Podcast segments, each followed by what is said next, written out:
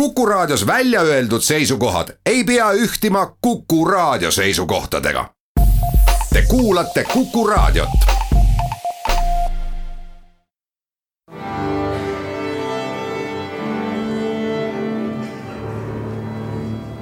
daamid ja härrad, Eesti Kontserdi saade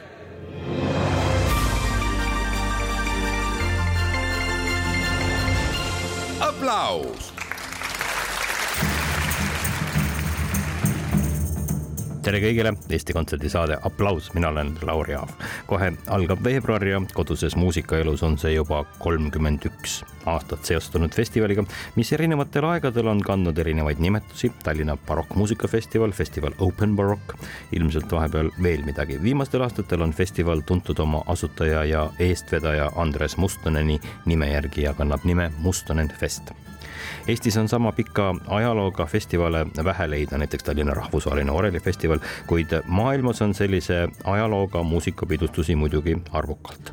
käisin Andresega nädal aega tagasi rääkimas festivali ajaloost ja tänasest päevast festivali buklett kirjutab, et kolmekümne ühe aastane Mustonen fest peegeldab Andres Mustoneni tõekspidamisi ja muusikalist haaret. no ta on seda tõepoolest peegeldanud kolmkümmend üks aastat, aga räägi, mis sinu meelest äh, maailma muusikaelus on kõige selgem muutus selle kolmekümne ühe aasta jooksul, mis sind äh, tänapäeval kui muusikut ja kui festivali kunstilist juhti kõige rohkem mõjutab, segab või ka aitab? -hmm.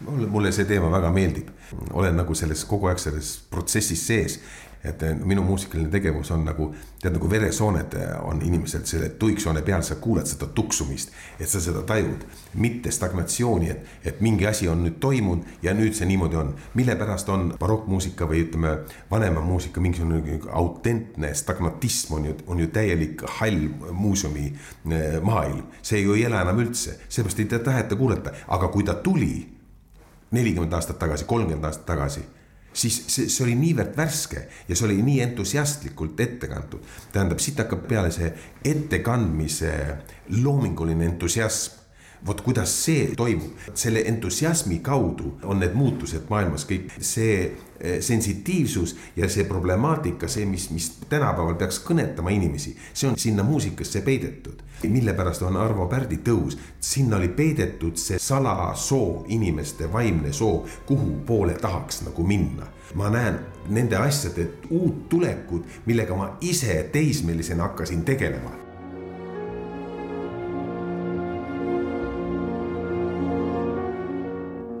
Lähme siis äh, festivali juurde kontsertide kaupa või kas on sinu jaoks on nagu kuulajat silmas pidades oluline lihtsalt selline pragmaatiline muster päevade kaupa, et kuidas festivali üles ehitada?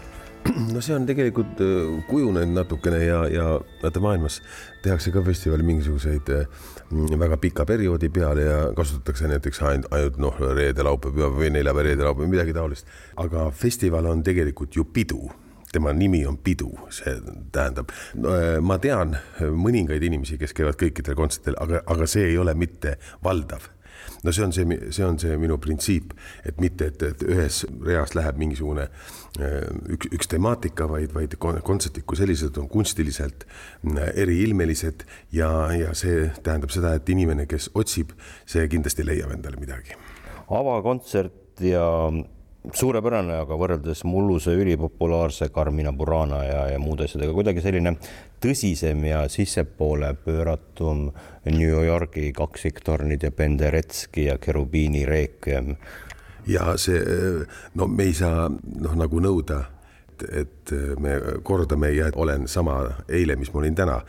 mulle tundub, et kui inimene nüüd süveneb sellesse ja, ja tõesti tahab tulla, siis seesama fantastika jätkub, aga ta jätkub natukene niisuguses teises dimensioonis, et ülestõusmine ja elu ja lein ja, ja, ja niisuguste, niisuguste tõesti tõsiste, niisuguse mastaapsete maailma probleemidega tegelevad heliloojad nende pühendused ja noh, mis me siin räägime praegu, kui me saame Eestis kuulata ikkagi elava helilooja Krzysztof Penderecki väga olulist teost, Resurrektsioone ehk ülestõusmise klaverikontserdit, korduvalt ette kandva ja hästi lähedase pianistiga ja, ja dirigendiga, kes Pendereckil on, siis see on juba oma, omaette kultuuriväärtus ja kas Penderecki tuleb ise?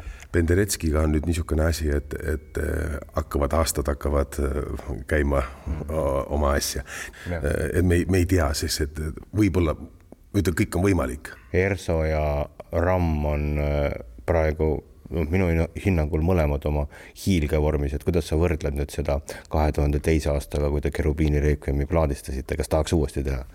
no kindlasti, aga muide ka kahe tuhande teise aasta plaadistus sellesama, samade kollektiividega sai ju tohutult hea vastuvõtu ju, ju plaadimaailmas kogu see festival on nagu üks suur kulgemine, et ma loen neid pealkirju praegu kontsertide kaupa, et avakontsert, ülestõusmine ja elu, edasi rännak, siis Veneetsia, siis üksnes Bach, sünagoogi laulud, Südekspress, kirglik reis barokiradadel Pariisist Lissaboni. ära ütle, et see kõik juhus on? Ei ole üldse.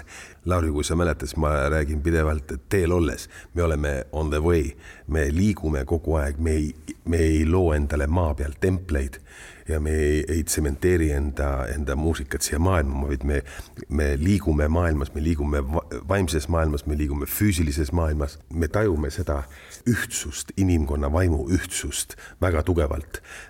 ja vot see, sellepärast see nagu see liikumine, see, see peaks nagu nägema, et, et me oleme kõik maailma kodanikud, me, me kõik kuulume maailma ja meil on vastutus selle maailma kultuuripärandi ees Roni Ginossaar ja Tal Kravits, Iisrael ja eri rahvaste muusika, kes nad on? Ja see eh, toetab ka sedasama printsiipi. absoluutselt, noh, see on täiesti kosmopoliitne niisugune laulja, kes kõikide rahvaste sõber eh, muusikas. Ja teate, rahvad tegelikult, kui sa, kui, kui sa niimoodi kuulad muusikat ja, ja niimoodi mängid, siis sa tõesti tajud, et rahvaste vahel ei ole mingit eh, riidu, rahvaste vahel on ainult armastus ja sõprus siis te teete Hortuse Collegium Musicale ja Jeruusalemma barokksolistidega Veneetsia mitmekoori muusikat. no oled sa ise Markuse kirikus käinud ja selles õiges kohas neid kontserte kuulnud? no ma Markuse kirikus olin mõned nädalad tagasi alles, nii et, et see, kui me Hortusega oli Itaalia tuur, meil oli küll mitte Markuse kirikus, seal ei korraldata kontserte, see, aga, aga ta oli lahti ja seal meil oli teistes ja, ja siin öelda, et näiteks kus Claudio Monteverdi on maetud ja meil oli Monteverdi programm seal ja Biagio Marini ja Giovanni Gabrieli. nii et, et seda muusikat tuleb just nimelt praegu, aga sellega on tegelenud Hortus kogu oma eksisteerimise ajaloos. me oleme, tegime koostööd juba eelmistel hooaegadel ähm, Jeruusalemma barokksolistidega ja, ja erinevate kooridega, nii et, et noh, see, see on muusika, mis kõlab väga harva, aga mis on äh, maailmapärandi ja Itaalia muusika niisugune kõrgperiood siis edasi on üks selline alati traditsiooniline kontsert Mustane festivali raames, et suurepärane Korea viiuldaja Clara Yumikang tuleb ja mängib Bachi päris üksi selline totaalne soolokontserdi vorm on alati üks kontsert Mustana festil. kui pikk see järjekord sul on nendest interpreetidest, kes tahaksid samatmoodi mängida? muide, see ei ole üldse enam maailmas nii lihtne, sellepärast et ajad on läinud äh, lühemaks, teosed on läinud lühemaks. Need on väga tugevad interpretid, kes sellist asja on võimelised tegema ja võtavad ette, et olla üksinda laval ja esitada ainult soolopahhi. aga ma võin öelda, et rida on veel, veel pikk ja ilmselt neid tuleb juurde. Eh, ilma Bachita ei ole eh, õige elu. sünagoogi laulud, Iisrael Nahman ja Eesti Rahvusmeeskoor, no ütle nüüd ausalt, kas rahvusmeeskoor on Iisrael Nahmani jaoks üks parimaid eh, võimalikke koostööpartnereid, et, et sellist kontserti anda? absoluutselt, sellepärast et noh, see vorm on tegelikult juudi sünagoogi laul meeskoor ja kantor see kõige elementaarsem vorm ja kui me eelmine kord tegime Iisrael Randiga eh, kantoriga, siis ma ütlesin, et noh, et mehed, see on õige teie muusika, see on, see, on see päris meeste muusika. ilma Iisraeli kantorita ei ole mõtet seda ette kanda ma ütlen seda, olen talle ikka öelnud, et kuule, kui, kui sa tuleksid ikka sünagoogist välja, läheksid Puccinit laulma, sa oleksid maailma esi Puccini. aga ta ütles, et aga ma seda kunagi ei tee jõuame Novosibirski kammerorkestri juurde, kas see kõlab nagu kõik teised orkestrid? Eh, tal on, vaata siin on ka koostööpartnerlustega küsimus. eks, eks meil ju käib ju siin esinemas ju orkestrid, lõppude lõpuks lood võivad ju kõik mängida ju kohalikud orkestrid ja ansamblid ära. mina hindan praegu Venemaa kultuuritaset ikka väga kõrgeks ja Venemaa on ärganud igas mõttes viimastel aastakümnetel sellega, et, et seal ei ole enam provintslikku mõtlemist. tähendab, et on ainult Moskva ja Peterburg, muu on nagu provints, ei, kõik, kõik on nagu mingid muu, muusikatsentrumid.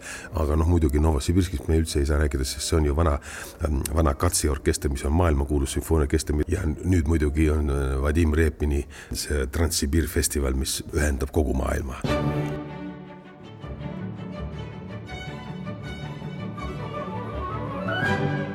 Täiesti olulise kõrvalpõikena pean ma siinkohal lisama, et samal ajal, aga mitte Mustonen Festi raames, teeb oma pikemal Euroopa tuuril teel Riiast Peterburi vaid ühe peatuse Eestis, Belgia ja eriti Flandria muusikaelu süda, Antwerpeni sümfooniaorkester koos oma uue peadirigendi Hongkongist pärit tõusutähe Elim Changiga, kellest muusikamaailm viimase paari aasta jooksul on hakanud ülivõrretes rääkima. Ja solistiks on saksa pianist Alissara Ott ning kavas Prokofjev Prokofjevi esimene sümfoonia, see klassikaline Haydni klaverikontsert number üksteist ja Dvoržaki kaheksas sümfoonia.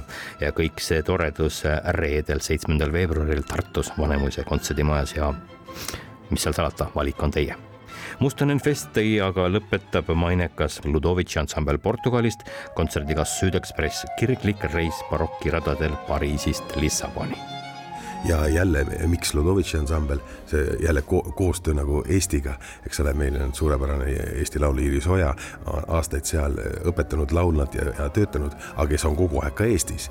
aga see on üks väga tore programm, sellepärast et seda ka siin jälle ei kuule niisugune prantsuse ooperi õhkkonnas ja ansambel, mis on atraktiivne, milles ei ole niisugust kuivust ega, ega teoreetilisust, vaid, vaid emotsioon ja selline panustamine sellesse muusikasse mis on Mustonen Festi nägu kaks tuhat kakskümmend, no kas eelmise juubelifestivaliga võrreldes? seda on väga raske öelda, see on see, see nägu, mis mis nägu ta praegu on.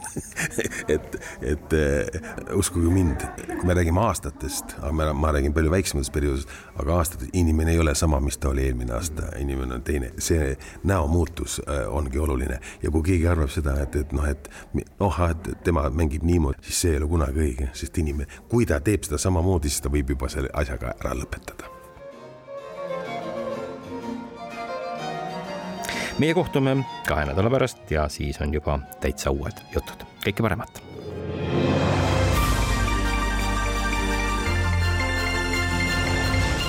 aplaus